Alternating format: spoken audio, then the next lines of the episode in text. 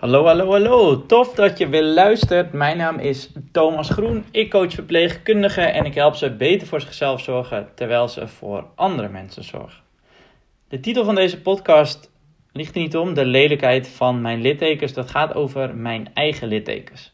Ik ga je een mail voorlezen en tussen de regels door nog wat dingen toevoegen.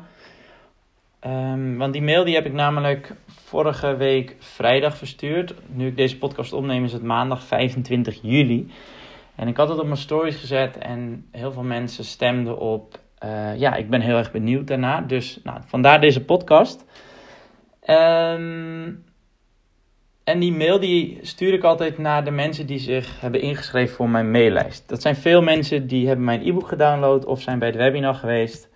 En zijn op die manier daarop terechtgekomen. Ze kunnen zich altijd uitschrijven natuurlijk. Dat zijn er nu ongeveer 900. En ja, laat ik, laat ik gewoon beginnen. Vorige week donderdag namelijk uh, was ik bezig met een aantal stories plaatsen. En die heb ik toen heel snel weer verwijderd. Want ik wist echt oprecht niet of het thuis hoorde op Instagram. En ik koos een beetje voor de veilige weg. Um, en ik schreef toen in die mail misschien dat het binnenkort nog eens langskomt. Want ik vertel het eerst aan jou. Ik liep toen naar de supermarkt over straat. Nou, dat is uh, niet bijzonder natuurlijk. Um, maar ook als je dit luistert, of misschien is het de allereerste podcast. Ik heb brandwonden. Toen ik elf was, heb ik die opgelopen. Um, en ik heb daar littekens van. En ik maakte in die stories, die ik dus verwijderd heb, uh, maakte ik een vraagsticker met: Weet jij waar mijn littekens zitten? Met de opties bovenbenen, onderbenen en schaamstreek. Nou, en je raadt het al, mijn littekens zitten in mijn schaamstreek. En ik twijfelde, twijfelde dus heel erg of ik dat wel op Instagram kon plaatsen, omdat het dan over mijn liesen en mijn geslachtsdeel ging en dat mensen daar dan op moesten klikken. En dat voelde een beetje vreemd, nou ja, en ongepast. En nou, toen ik die mail schreef, was ik nog steeds een beetje in de war, maar ik weet eigenlijk nog steeds niet heel erg goed of ik het had kunnen plaatsen of dat het misschien gewoon te raar is. Um, Maar goed, dat even daar gelaten. Ik wilde daarna namelijk vertellen dat mijn littekens soms uit het niets kunnen beginnen te jeuken. Echt gewoon uit het niets. En ik weet niet of jij wel eens echt intense jeuk hebt gehad voor langere perioden. En dat kan ik nou, waarschijnlijk bij het testen van heb je liever pijn of heb je liever jeuk. En als jij kiest voor pijn, dan heb je nooit echt vervelende jeuk gehad. Want jeuk is echt het allerverschrikkelijkste wat er maar is. Nou, misschien wel nou, op aarde. Maar het is in ieder geval het allervervelendste wat ik ooit heb gehad. Want krabben mag niet, het helpt niet. Het maakt het alleen maar erger, je krabt het stuk. Ehm, maar toen ik dus aan het, aan het wandelen was, en ik was in de supermarkt, toen kreeg ik dus echt verschrikkelijke jeuk aan mijn littekens. En die zitten dus ja, gewoon in mijn liezen. En ik moest echt alles op alles zetten om niet midden in de supermarkt daar ongegeneerd in mijn liezen te gaan staan krabben. En ja, eenmaal buiten om een hoekje kon dat uiteindelijk wel. Want, nou ja, geen wand kon het uiteindelijk wel. En dat deed ik ook. En dat bracht gewoon voor even verlichting. Toen ik in het ziekenhuis lag, toen ik dus 11 jaar oud was, toen kreeg ik altijd cold packs voor mijn jeuk. Wat heel erg goed uh, hielp. En ik moest altijd kloppen in plaats van krabben, omdat dat, dat hielp dan ook een beetje. Ehm, maar dit is dus het verhaal en dat wilde ik grappig neerzetten op Instagram, maar ik heb er uiteindelijk voor gekozen om dat niet te doen, want het voelde dus gewoon raar en ongepast. En toen ik dat verwijderd had, toen ging ik nog eens denken aan hoe het eigenlijk vroeger was toen ik mijn littekens had. En wat ik altijd vertel is dat ik eigenlijk alleen baalde dat ik nadat ik uit het ziekenhuis terug was en thuis, dat ik niet meteen mocht voetballen en niet meteen uh, aan de huttenweek mee mocht doen. Daar baalde ik echt nog het allermeest van. En ik begreep mijn moeder gewoon echt niet, want ja, wat kon er nou fout gaan? Nou, er kon een spijker langs mijn litteken gaan, mijn hele litteken had kapot kunnen gaan, maar ja, uh, ik snap nu wel dat ik dat niet mocht natuurlijk, maar als kind was ik er echt boos over. Ja, en later um, heb ik ook veel drukkleding moeten dragen. Dat waren, ik had er eentje in het blauw, ik had er eentje in, het, in huidskleur. En ik mocht die zelf ja, een soort van zelf ontwerpen. Dus ik had er eentje met, van blauw met gele stiksels en eentje met huidskleur, zodat mensen het niet zagen. En er kon dan ook een soort printje of een diertje op. Nou, super cool allemaal. Ehm, en het was, ja, ik zag dat zelf altijd als een slijdingbroekje. En in het ziekenhuis hoorde ik altijd ja, een beetje de twijfel. En was een beetje twijfel slash bevestiging. Als je littekens goed meegroeien, dan hoef je niet nog een keer geopereerd te worden. En ja, gelukkig voor mij, voor mij als brandwondpatiënt, heb ik dat nooit meer hoeven ondergaan. Want ik ben echt maar één keer geopereerd. En ik zeg echt oprecht gelukkig.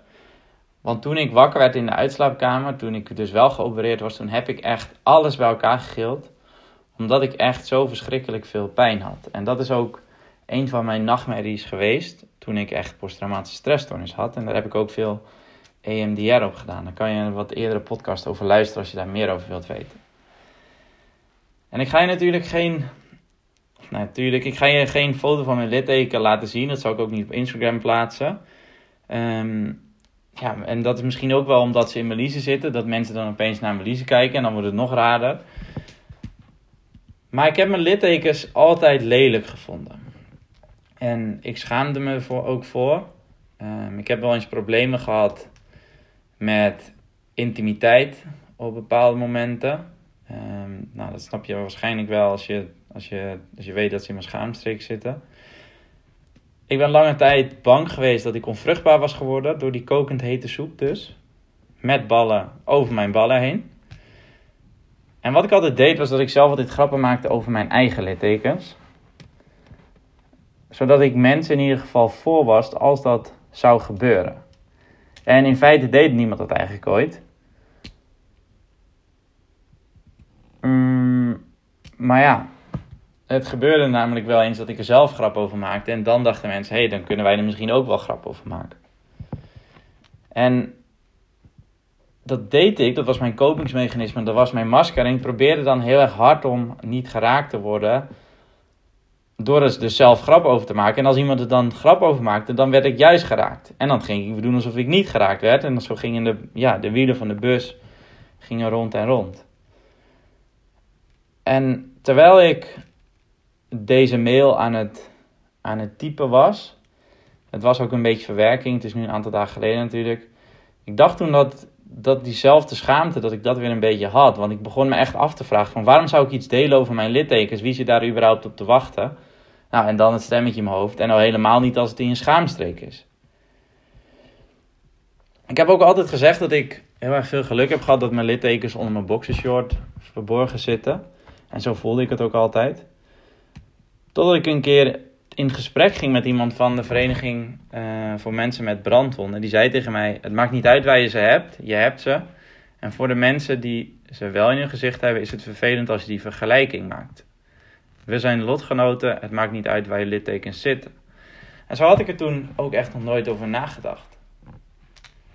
Um, en ik, ik ben ook oprecht twijfelend of, of dat een soort van mijn masker is van van hardheid misschien wel. Dat ik, dat ik, dat ik een soort van niet bij die groep wil horen.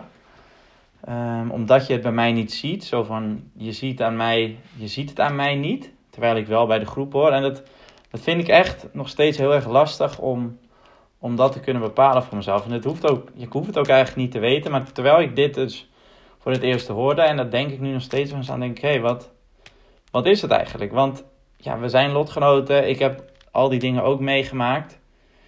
Um, ik heb misschien nog een paar stukjes mazzel gehad dat ik maar één keer geopereerd hoef te worden. Ik heb ook posttraumatische stressstoornis gehad. Dus het is niet zo dat mijn leed minder is geweest of iets dergelijks. Alleen, nou, geen idee wat eigenlijk alleen, maar het, ja, het, het is. Ja, het, je hoort het aan, aan mijn stem. Ik weet het gewoon echt niet. Ik vind het lastig. Um, want toen deze persoon dat zei, dit kwam namelijk kwam eigenlijk best wel binnen. Want tot die tijd heb ik me, nou, dat heb ik sowieso heel vaak gedaan, heb ik, ik heb me heel erg sterk gehouden altijd over mijn littekens. En dat was eigenlijk dezelfde coping als altijd maar grappen maken. Gewoon sterk zijn en gewoon doen alsof het me niet raakte. En ik schrijf nu ook zoveel over die regel ik moet sterk zijn, omdat het ook altijd mijn regel is geweest. En dat uiteindelijk ook gewoon nog steeds mijn regel wel eens is.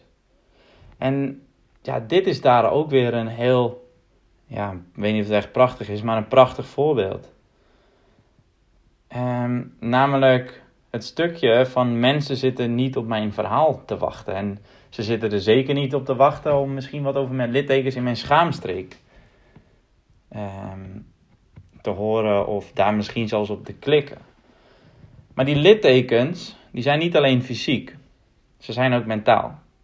Ze waren ook mentaal.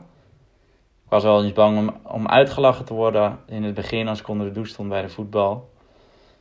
Um, ik was ook altijd bang om mijn verhaal te delen over mijn posttraumatische stressstoornis. Ik was altijd bang wat mensen van dachten of wat ze ervan zouden vinden. Dat heb ik nog steeds wel eens. Want die regel, ik moet sterk zijn, die is natuurlijk nog, die is er nog steeds wel eens. En misschien ken je het verhaal van mijn smurf. Als je dat nog niet kent, dan mag je nog even mijn webinar gaan bekijken. Ehm, maar ja, ook ik heb nog wel eens dat ik denk: hé, hey, ik moet sterk zijn en misschien zitten mensen niet op mijn verhaal te wachten. Want sinds, sinds ik 25 ben, uh, en dat was ook sinds de laatste keer dat ik EMDR heb gedaan, ben ik echt mijn verhaal gaan delen over mijn posttraumatische stressstoornis, over mijn brandwonden. En nu gebruik ik dezelfde uitspraak: het beste wat mij is overkomen is een pan met kokend hete soep met ballen over mijn ballen heen. En dat meen ik dan ook echt oprecht. Want ik heb mijn littekens nu namelijk volledig geaccepteerd. Zelfs met die hele irritante, vervelende jeuk die af en toe midden in de supermarkt terechtkomt. Maar wat nog het allerbelangrijkste is, is dat ik mezelf heb geaccepteerd. En dat is inclusief al mijn, kant, al mijn slechte kanten en ook mijn valkuilen. En begrijp me niet verkeerd, dat betekent niet dat ik nu klaar ben en dat dat als je zegt ik heb het geaccepteerd, dat je dan, dat je dan een punt achter kan zetten. Nee, acceptatie dat is echt een beginproces. En dat is dus ook echt absoluut geen passief proces, want je hebt er uiteindelijk naartoe te gaan. En vanaf daar begint het uiteindelijk dus pas. Want ondanks alle schaamte die ik, die ik heb gekend, die ik soms nog steeds wel ken, het heel veel vallen en opstaan en nog veel meer, ja, ben ik mijn brandwonden en mijn posttraumatische stressstoornis wel echt, ja, gewoon heel erg dankbaar. Want zonder alle lessen die het me geleerd heeft en al mijn persoonlijke ontwikkeling, en ja, of dat nou noodgedwongen was of niet, was ik nu niet geweest wie ik nu ben. En dan was ik misschien nog steeds bezig geweest met, met continu mijn maskers opzetten en overal grapjes over maken en sterk zijn en dan had ik zeker niet kunnen doen wat ik nu doe, namelijk heel veel mensen begeleiden uh, met hoe zorg ik beter voor mezelf en hoe kan ik wat tevredener over mezelf zijn en na mezelf en hoe word ik wat milder voor mezelf in plaats van dat ik altijd maar zo enorm sterk moet zijn. En er zitten uiteindelijk nog heel veel lessen aan vast aan mijn, mijn posttraumatische stressstoornis, mijn branden, mijn branden, mijn brandwonden. Ik heb nog steeds wel eens, uh, ja, ik word nog steeds wel eens mee geconfronteerd uiteraard. Nou ja, met die jeuk onder andere. Alleen nu kan ik er wel gewoon echt om lachen. dus dat is wat het, wat het mij uiteindelijk heeft geleerd. Dus tot hier is, ja, is wel gewoon een beetje de mail die ik verstuurd heb. Um, en waar ik daarna, ik ging daarmee verder namelijk met, met het webinar. Um, en daarna heb ik wat verteld over het groepsprogramma. En ik zal je een, een referentie lezen van Nike, die heeft meegedaan in mei en juni. Want mijn groepsprogramma gaat namelijk um, op maandag 1 augustus voor de alle, alle, allerlaatste keer gaat die van start. En Nike heeft meegedaan twee keer en die, uh, ik ga hem gewoon um, voorlezen. Ik zie online meerdere mensen die aangeven je te kunnen helpen met voor jezelf zorgen, grenzen aangeven, etc. Maar het idee dat jij zelf uit de zorg komt en weet waar ik mee te maken kan krijgen, vond ik een veel prettiger idee.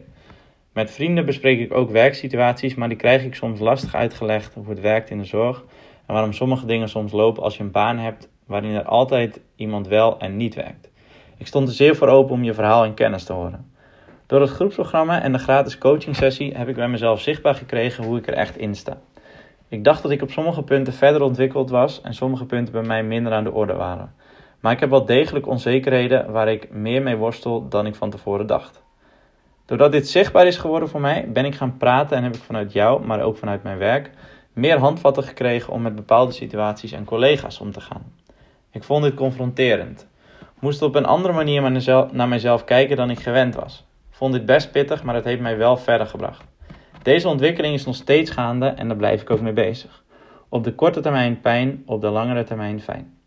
Ik heb geleerd om naar mezelf als persoon te kijken en minder naar de functie die ik moet waarmaken. Een realistische beeld gekregen en nu merkbaar de juiste stappen kunnen maken om mezelf verder te ontwikkelen op een passende manier.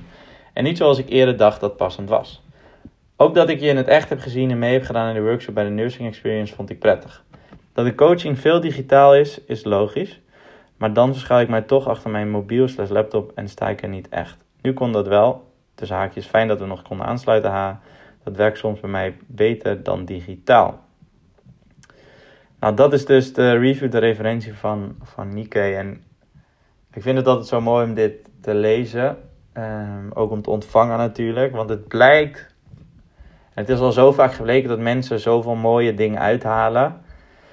Um, en ik ben ervan overtuigd dat jij dat ook kan. Het is echt de allerlaatste keer. Dus mocht je denken: hé, hey, ik wil echt nog. Ik denk er al een tijdje over na. Ik wil al een tijdje meedoen, maar het voelt niet als het juiste moment of wat je reden dan ook is. Dit zou dan het enige moment nog kunnen zijn waarop het gaat starten. Het is geen marketingtrucje, het gaat er gewoon echt uit. En als je graag wilt leren hoe je dus niet meer altijd aanstaat, hoe je minder wilt piekeren, vaker voor jezelf wilt kiezen, dan is dit, dit groepsprogramma, ook gewoon echt een hele mooie manier. Het is in totaal meer dan drie uur coaching. Je ontvangt van maandag tot en met vrijdag video's. Daar zitten challenges aan vast. Het is drie uur coaching, te waarde van 750 euro. En dat kost je slechts 125 euro. Ik garandeer je veel meer rust in je hoofd aan het einde van deze maand. Veel meer duurzame gewoontes veel meer bewustwording. Um, en als je nog meer referenties wil weten, check dan gewoon even mijn website www.thomasgroen.nl slash referenties.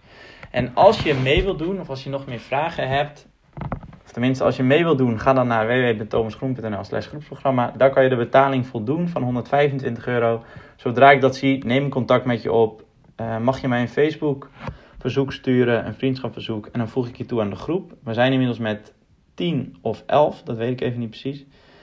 Um, en als je hier meer over wilt weten, stuur me gewoon een berichtje via Instagram, thomasgroen.nl of stuur mij een mailtje, thomas.thomasgroen.nl Heel erg bedankt voor het luisteren. Ik um, hoop dat ik je ook heb kunnen inspireren um, met mijn eigen verhaal over mijn littekens. Dat ik er niet altijd blij ben met geweest, maar dat ik het nu wel heb geaccepteerd. Want ik ben er ook van overtuigd dat jij dat ook kan. En misschien durf je dat nu nog niet, maar het is echt mogelijk.